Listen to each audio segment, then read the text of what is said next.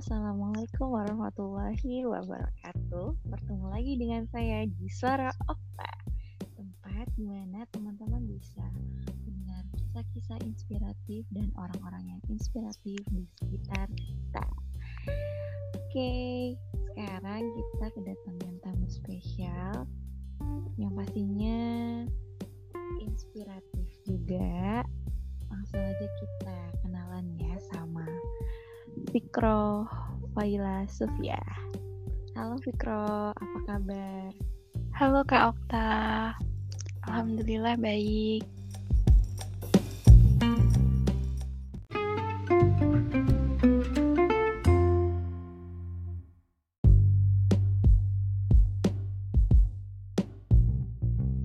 Alhamdulillah hari ini ngelakuin rutinitas seperti biasa, mencoba buat produktif setelah berulang-ulang kali ditempa kegagalan meskipun udah berusaha semaksimal mungkin Kak Okta tapi memang belum rezekinya. Jadi uh, hari-hari dibuat terus positif agar uh, bisa melangkah ke depannya gitu Kak Okta dibuka sama Fikro, hari ini kita mau cerita-cerita tentang uh, kegagalan ya teman-teman. Di sini kita mau cerita yang uh, positifnya aja, yang bikin kita bahagia aja ya. Jadi uh, banyak banget makna tentang kegagalan ya yang seperti kita tahu bahwa kegagalan itu adalah keberhasilan yang tertunda. Terus juga uh, keberhasilan, maksudnya kegagalan itu sebenarnya adalah uh, tinggal selangkah kalau kita mau menang kayak gitu. Itu banyak banget ya quotes-quotes yang bisa kita dengar dan kita tahu dari lingkungan sekitar kita. Nah, sekarang kita mau cerita-cerita nih tentang kegagalan kita mungkin uh, bisa dari produk gimana Vi? Iya Kak Okta. Nah menurut menurutku nih Kak Okta, kegagalan itu berkaitan dengan respon kita, bagaimana kita meresponnya, uh, bagaimana hmm. kita memaknai kegagalan itu. Nah sekarang nih Kak Okta, uh, makna kesukses kesuksesan dulu nih Kak Okta. Nah, dulu kesuksesan kesuksesan buat aku itu amat sempit gitu, hanya soal-soal pencapaian duniawi gitu. Nah, sekarang mencoba aku perlebar lagi nih Kak Okta. Uh, makna kesuksesanku itu lebih luas. Uh, kesuksesan dunia dan akhirat gitu. Nah, uh, jadi hal-hal yang kuupayakan itu lebih banyak gitu. Kalau misal pintu ini tertutup, aku yakin ada pintu-pintu uh, berkah yang lainnya yang harus ku ketuk gitu. Gak hanya dari satu pintu saja. Kalau kemarin aku mengusahakan berkah dan ridha Allah itu dari pendidikan dari edukasi ingin mendidik putra-putri bangsa gitu misinya waktu itu. Nah ternyata ada satu dan lain hal harus terhenti dan gagal. Uh, satu nih yang harus dikuatkan adalah kesabaran dan keyakinannya. Ada banyak pintu-pintu lainnya yang masih terbuka loh jangan berputus asa, jangan berputus asa dari rahmat Allah dan terus ketuk pintu-pintu lainnya, pintu-pintu keberkahan lainnya yang kalau kita mau berpikir lebih dalam, lebih menyalami lagi, ada banyak pintu-pintu lainnya. Menurut saya kayak gitu Kak Ya, jadi menurut Fikrani makna kegagalan itu sendiri uh, awalnya memang dari kesuksesannya ya. Iya betul. Jadi kita harus buka lebar apa pemaknaan kegagalan itu sebagai uh, sebuah proses untuk mencapai kesuksesan kayak gitu. Dan kalau menurut aku sendiri sih kegagalan itu adalah hal yang biasa gitu ya. Iya, betul Yang sekali Kak Okta. alami ya kan Iya, kegagalan itu ternyata kalau kita udah uh, terjun ke masyarakat nih, udah lulus dari kuliah, uh, udah di masyarakat, ternyata definisi kegagalan tuh ada banyak. Uh, betul banget ya Iya, betul. Enggak hanya di dalam urusan-urusan duniawi seperti yang aku bilang gitu.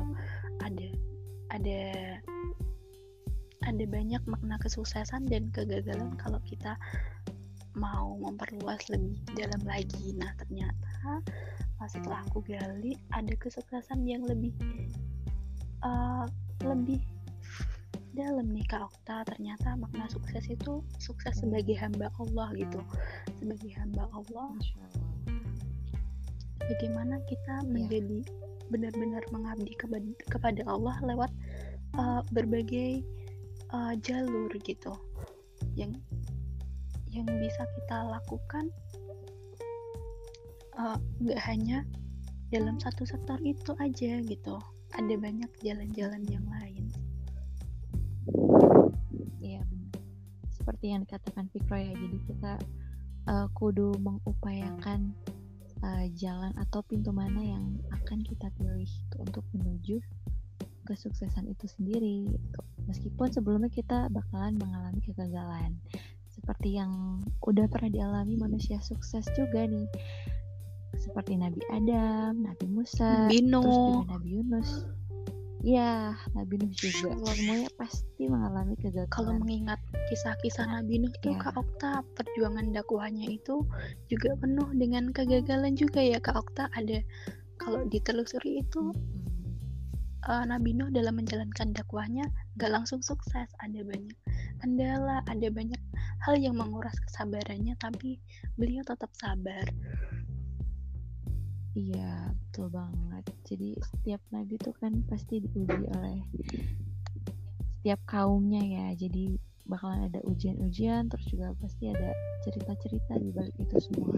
Kegagalan udah pasti kayak gitu. Jadi eh, terus mengupayakan hal-hal positif, hal-hal baik, dan pastinya itu juga eh, dapat ridhonya Allah ya, supaya jalan kita juga mulus ke depannya kayak gitu. betul Kak Okta Nah, itu tidak luput dari kesabaran ya Kak Okta. Menurut Kak Okta, sabar Mm-mm. itu gimana sih? Kalau menurutku ya Kak Okta, sabar itu sabar saat kita mengalami hal-hal yang tidak mengenakan, saat kita sedang mengupayakan hal baik dan untuk mencapai ridhonya Allah itu ada kendala gitu.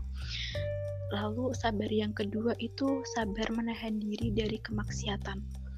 Jujur kalau saat merasa gagal itu ada banyak sekali godaan untuk berbuat eh, menyimpang gitu. Kayak udah ada kayak berputus asa ah mungkin Allah nggak sayang lah. Eh, kalau gitu nggak apa-apa aku langgar dikit-dikit. Nggak terpungkiri gitu tuh perasaan seperti itu tuh ada Kak. Okta nah menurutku salah satu sifat dari sabar itu adalah sabar menahan diri dari kemaksiatan juga Kak Okta. Yang ketiga, sabar itu sabar mengupayakan perbuatan-perbuatan baik eh, bagaimanapun kondisi perasaan kita, hati kita, kita harus tetap mengupayakan istiqomah agar eh, mencapai eh, keridhaan Allah itu Kak Okta Allah bilang kalau kita sabar, kita akan beruntung. Bersabarlah kamu dan kuatkan kesabaranmu. Uh, sebentar lagi kita akan dapat hadiah gitu Kak Okta. Kalau kita nggak sabar, ya hadiah itu akan hilang gitu. Nggak hanya sabar dalam mengupayakan, nggak hanya sabar dalam melakukan kebaikan, tapi sabar dalam mencegah kemaksiatan gitu Kak Okta. Dan apa? Tadi ada tiga ya sabar definisi sabar. Menurut Fikro yaitu yang pertama tadi sabar uh, dalam ketaatan ya. Betul Kauta terus sabar uh, untuk menjauhi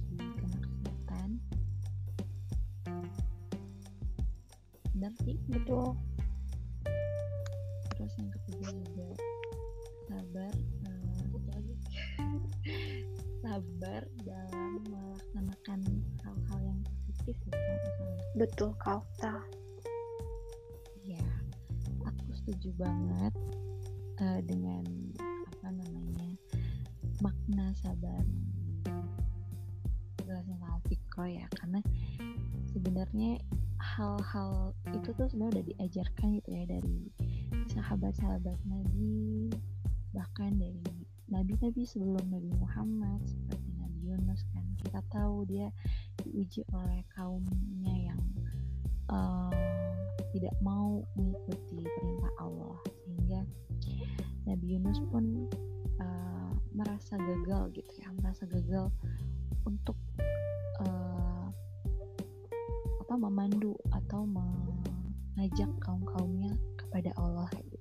tapi di situ ada pembelajaran yang bagus gitu di mana ketika Nabi Yunus itu merasa gagal lalu dia pergi kan ke laut itu dan akhirnya setelah dia ada di kapal terus diundikan di sana di kapal itu dia selalu jadi orang yang keluar di undian itu gitu sehingga akhirnya dia dilempar ke laut dan dimakan uh, ikan paus kayak gitu. Nah dari situ tuh ceritanya keren banget gimana Allah tuh memberikan pelajaran gitu kepada Nabi Yunus bahwasanya um, kamu ya kamu gagal gitu tapi kamu nggak boleh sombong gitu. Dari rahmat Allah dari uh, pertolongan Allah gitu nah di situ kita tahu bahwa Nabi Yunus tuh berdoa gitu ya. Berdoa mohon diri mohon ampun karena dia telah uh, melakukan kesalahan gitu ya pergi dari kaumnya kayak gitu. Dan di dalam apa kondisi yang sangat kacau balau dia sedang gagal dia berdoa setulus-tulusnya dengan sungguh-sungguh akhirnya Allah membukakan pintu pertolongan gitu ya. Membuka pintu pertolongan dan akhirnya dia pun bisa keluar dari perut ikan paus itu kan dengan selamat tentunya. Dan uh, dosanya itu diampuni oleh Allah. Insya Allah banget gitu. Jadi ketika dia berdoa setulus-tulusnya dia bertaubat kan dan menjauhi segala maksiat gitu ya akhirnya dia diampuni oleh Allah dan di apa keluarkan dari perut ikan paus itu itu merupakan contoh hal yang uh, udah di udah pernah dicontohkan kayak gitu ya dalam surat uh, Al-Quran gitu. Uh, bahwasanya kegagalan itu pasti itu menimpa manusia setiap manusia. Tapi uh, gimana caranya nih? Apa nih ikhtiar yang mau dilakukan supaya bisa keluar dari kegagalan itu dan uh, apa atau upaya-upaya apa yang bisa kita lakukan gitu agar kita tuh dapat ridhonya Allah kita tuh dapat uh, istilahnya uh, ampunan ya ampunan pertolongan Allah. Supaya kita bisa mencapai apa yang kita inginkan keluar dari kegagalan itu. Itu itu keren banget sih ceritanya itu bisa jadi motivasi ya buat kita semua uh, buat saya juga gitu. Dengan mungkin kalau Fikro kan udah saya pasca kampus udah mulai cari-cari apa kerja gitu ya? Iya Kak Okta kebetulan aku itu dari keluarga yang uh, menengah ke bawah Kak Okta jadi uh, emang ada ujian di situ.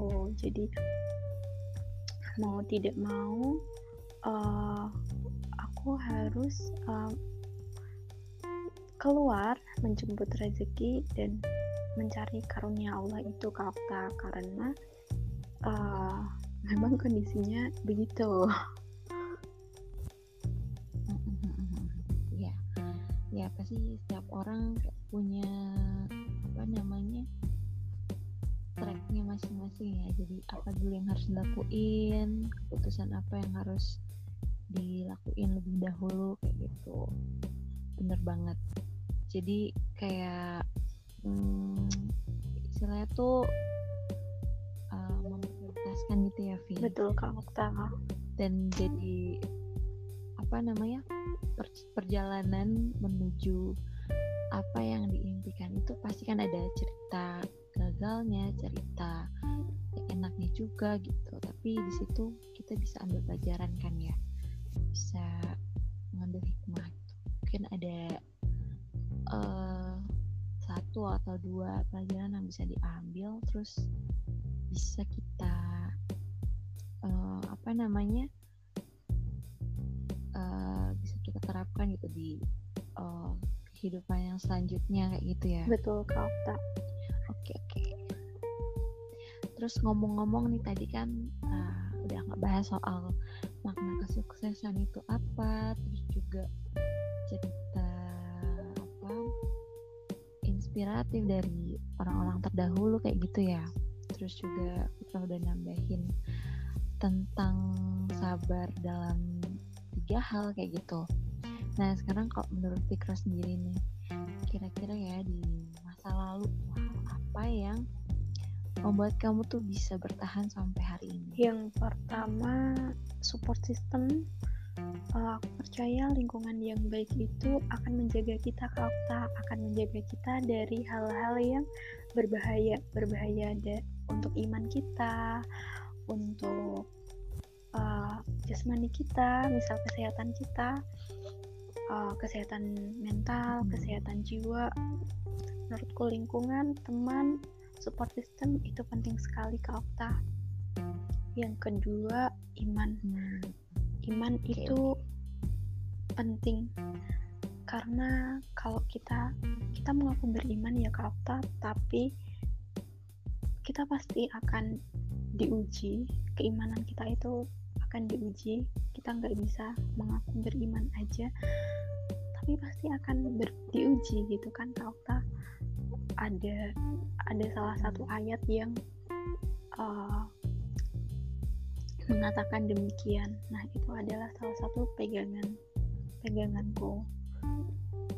Lalu yang ke tiga terus mencari ilmu dan terus melakukan hal positif. Kadang tuh seperti uh, Siti Hajar ya Kak Okta apa yang diusahakan diusahakannya dia berikhtiar lari dari Gunung Sofa dan Marwah sampai tujuh kali ternyata mata air mata air itu memancar dari kaki Ismail karena rezeki berkah nikmat Allah berfirman untuk orang-orang yang bertakwa itu akan dihadiahi rezeki dari arah-arah yang tidak disangka-sangka. Nah, uh, yang perlu dikuatkan itu sebenarnya iman kita. Kita tidak perlu khawatir akan rezeki, akan berkah, sesuatu yang sudah uh, dijaminkan untuk kita. Kita hanya perlu bersungguh-sungguh menaati perintahnya dan ia berbuat baik se semampu se sekuat kita gitu enggak hanya semampu kita tapi sekuat kita bersungguh-sungguh menjalankan perintahnya gitu enggak mengabaikan amanahnya itu yang itu yang bisa aku ambil mengkhawatirkan sesuatu yang udah dijaminnya dan mengabaikan amanahnya dan kewajibannya itu adalah sebuah kesalahan yang besar.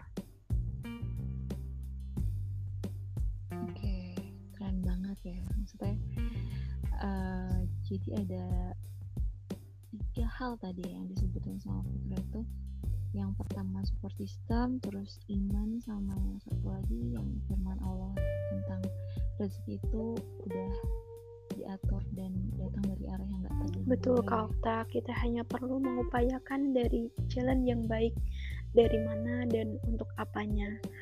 Lalu kita bertanggung jawab atas waktu-waktu kita nih Kak Okta. Waktu kita 24 jam itu hmm. dari bangun tidur uh, mau tidur lagi itu kan sesuatu yang bisa kita kontrol. Nah, itu adalah tanggung jawab kita Kak Okta.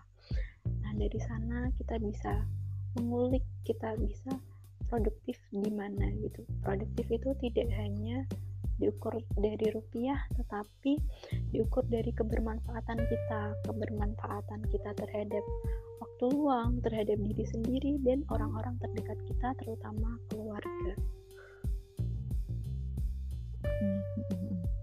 ya ya makanya uh, dalam banget nggak produktif ini. Nggak cuman uh, kita menghasilkan apa tapi juga tanggung jawab kita terhadap betul kak ya. oke. Okay menarik banget apa yang udah dipaparkan oleh Fitro nih. Uh, aku pengen tahu deh uh, itu tuh datang dari hal apa sih dari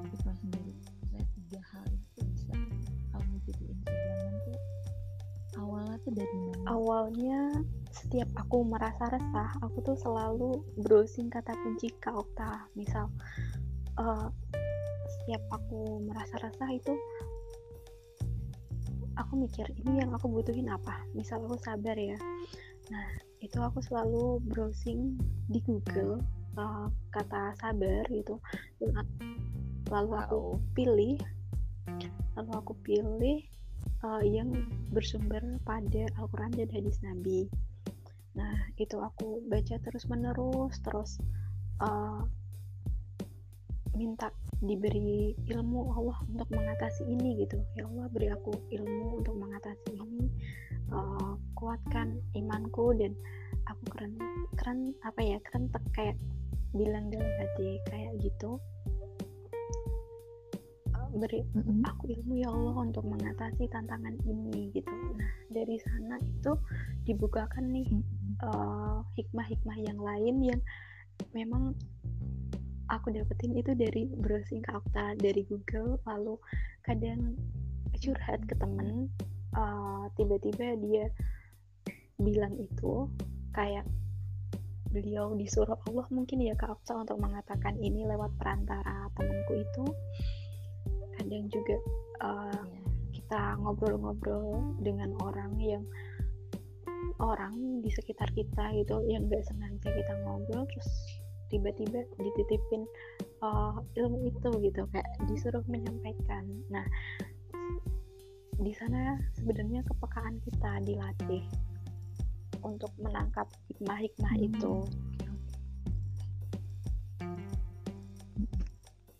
jadi dari cerita. Kroni aku nangkep pelajaran bahwa ketika kita resah kita mengalami uh, mungkin lebih tepatnya kayak kacau Betul. gitu ya pikirannya.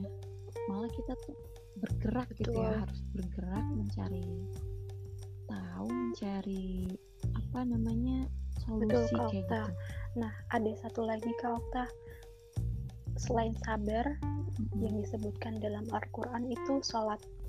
Saat pikiran kita berkecamuk nggak men- mendapat solusi nih. Uh, udah berusaha gitu tapi nggak nemu nemu solusi juga yang kulakuin uh, sholat.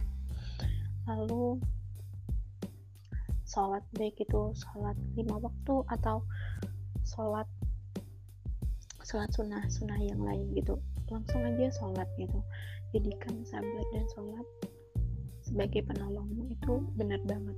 Saat kita butuh solusi minimal uh, langsung cari wudhu gitu. Terus sholat itu tiba-tiba hati kita tuh tenang udah plong. Terus benar-benar apa ya ikhlas. Terus pasrah. Tiba-tiba solusi ketenangan itu tuh datang sendiri. Sebenarnya yang kita butuhkan pertama kali itu enggak solusi dulu tetapi ketenangan. Ketenangan bahwa ah, enggak apa-apa kok. Uh, Allah kamu nggak sendiri. Allah tuh bersamamu. Itu udah lebih dari cukup saat kita kalut kita masih bisa berpikir seperti itu itu sebenarnya udah lebih dari cukup kak. Okta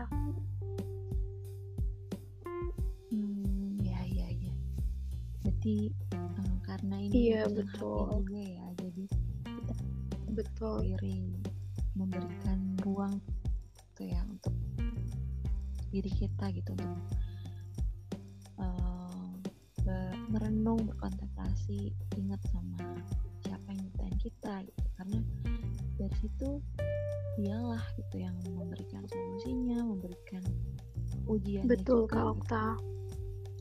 Gitu. di situ iya kita deketin siapa betul. yang kita kan gitu ya.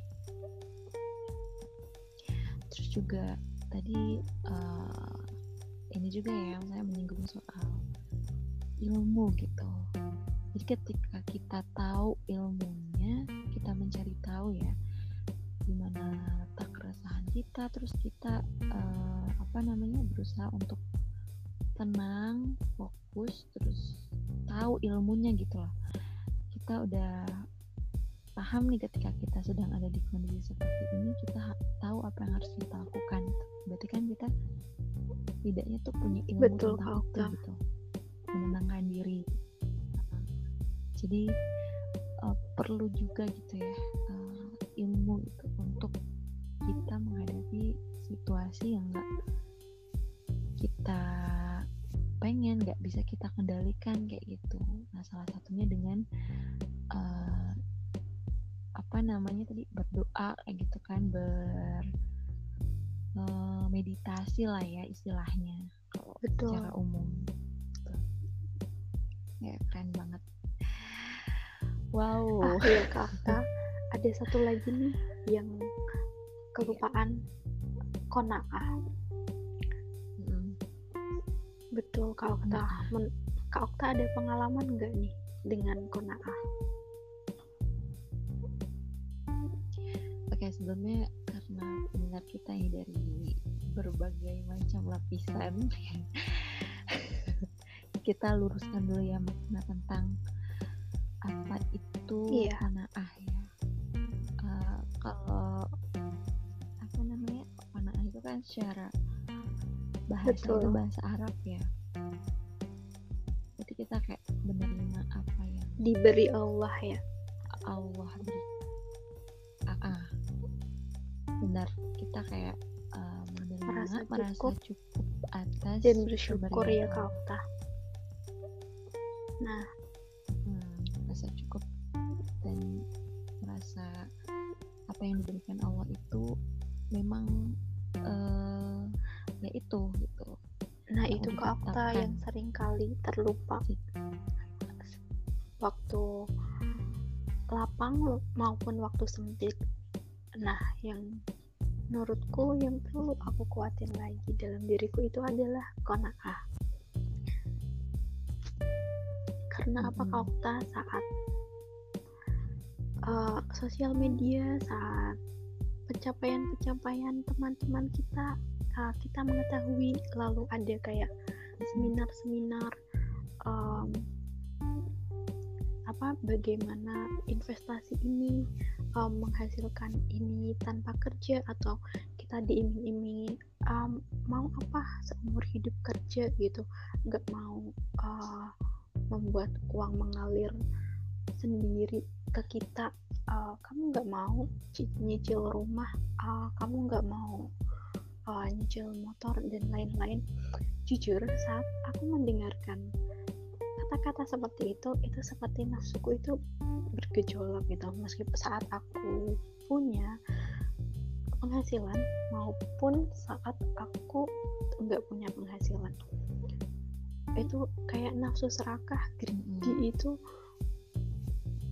berkecamuk. Kalau um, mendengar kata seminar atau podcast atau apa ya? Ya vlog se- seputar seperti itu Kak Okta kayak kemandirian finansial dan lain-lain. Menurutku kemandirian finansial itu dari mental terlebih dahulu. Oh, sebenarnya kemuliaan seseorang itu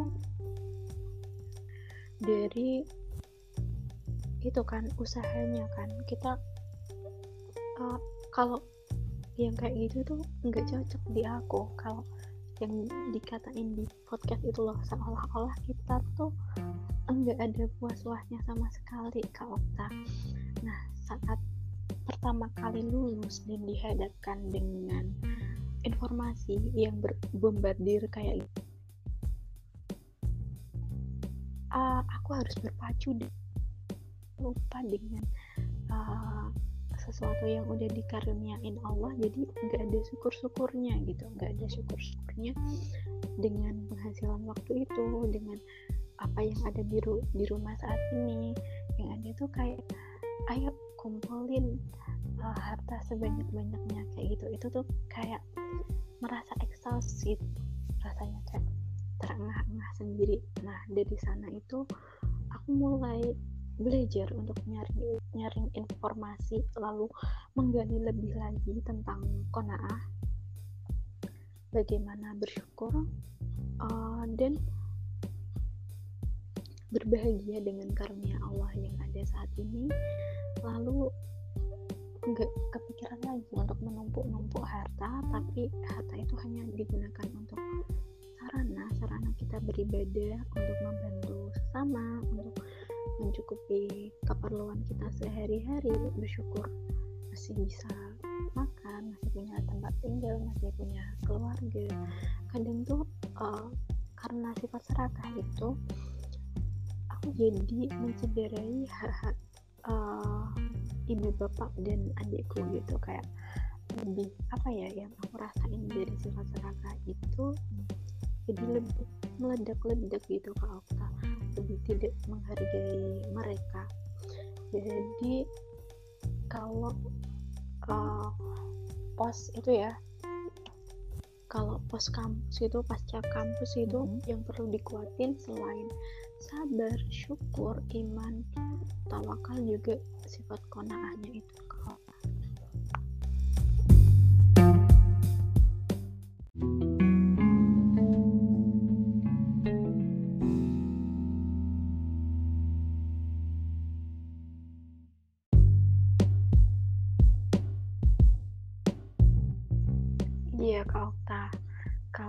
ngibaratin itu kita mm -hmm. sebagai hamba ya mm -hmm. kalau kita mau tenang dalam mengupayakan rezeki atau mendukung gitu suami kita atau bapak kita dalam mengupayakan rezeki itu kita kalau di hadisnya ya itu bersikap laksana seperti burung gitu kalau kamu memiliki sifat kona'ah kamu itu bisa merasa bebas gitu merasa tidak ada beban seperti burung yang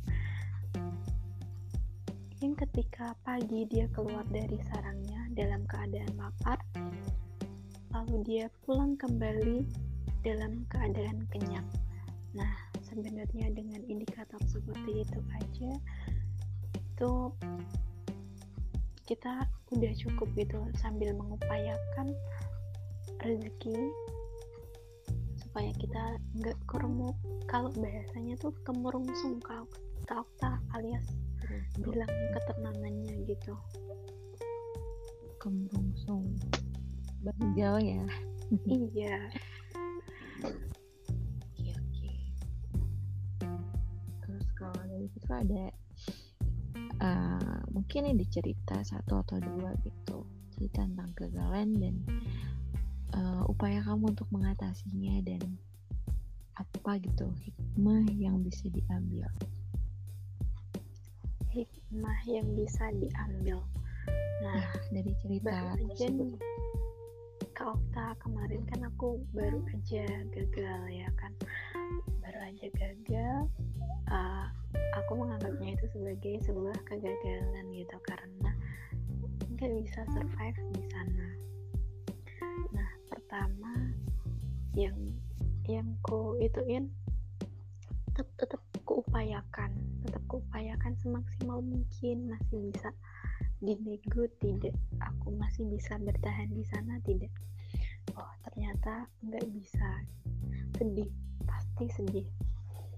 Karena itu adalah uh, hal yang aku cita-citakan gitu. Ada azam yang kuat di sana jadi waktu itu waktu pertama kali mendapat kabar seperti itu yang kulakuin adalah berpikir tenang berpikir positif enggak enggak berpikir apa-apa lagi.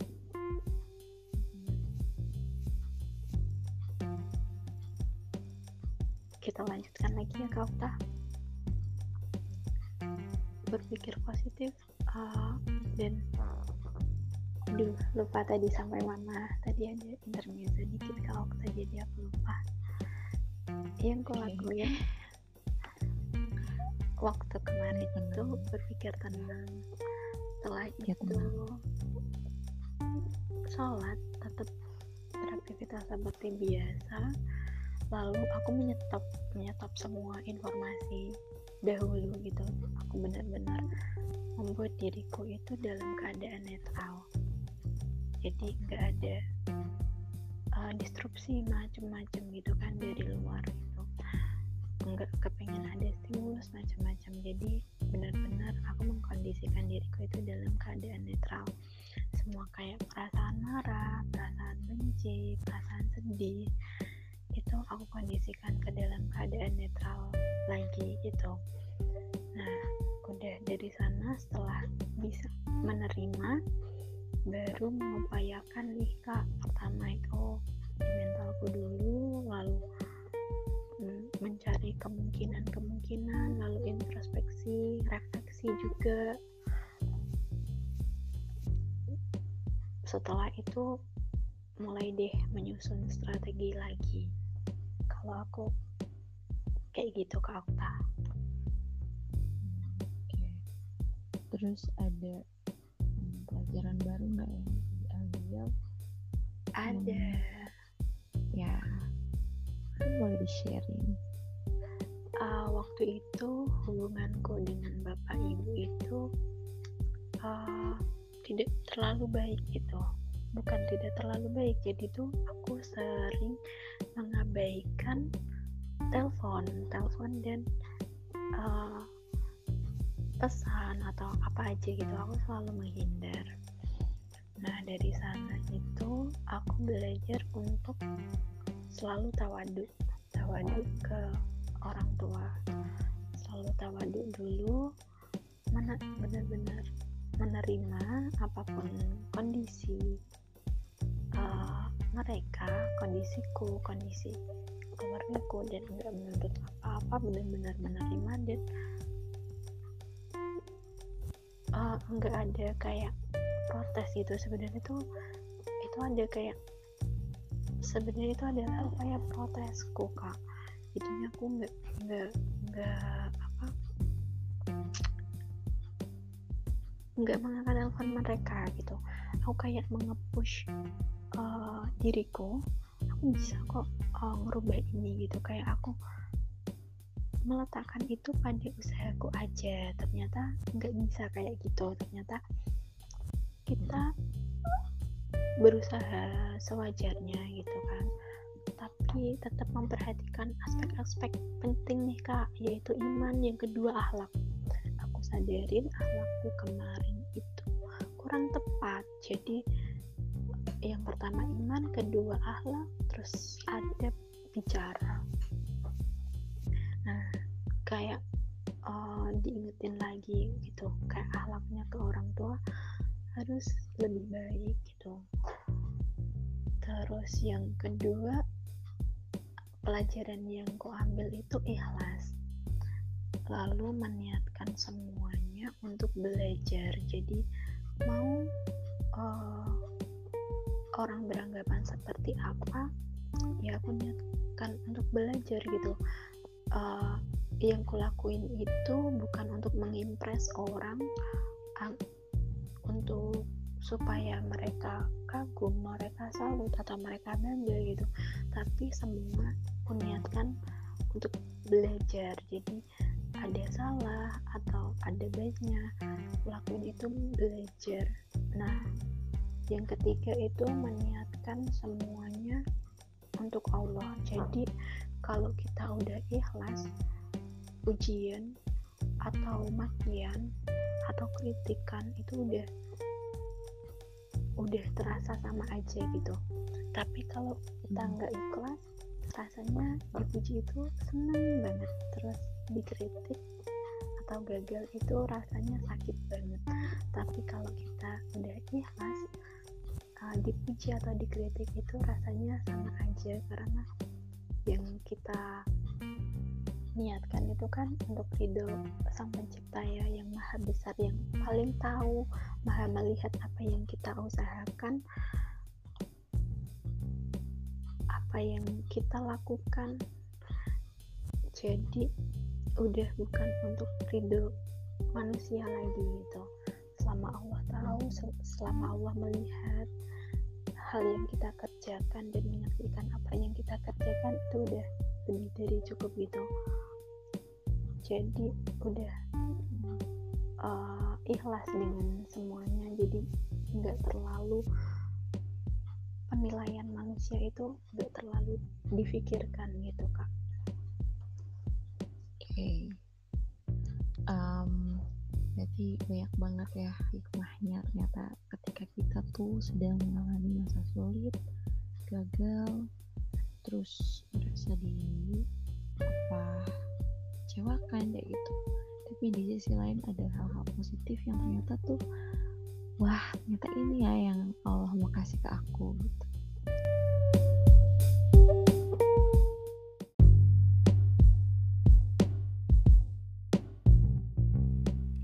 Oke, kita sudah ada di penghujung bincang-bincang. Makasih banget buat Fikro yang udah bersedia untuk berbagi insight, pengalaman, dan pelajaran tentang makna kegagalan dalam hidupnya semoga kita semua bisa mengambil pelajaran ya dari uh, kisahnya Fikroh kegagalannya Fikroh dan kita juga bisa lebih baik lagi dalam menyikapi kegagalan yang pastinya hadir di setiap kehidupan kita.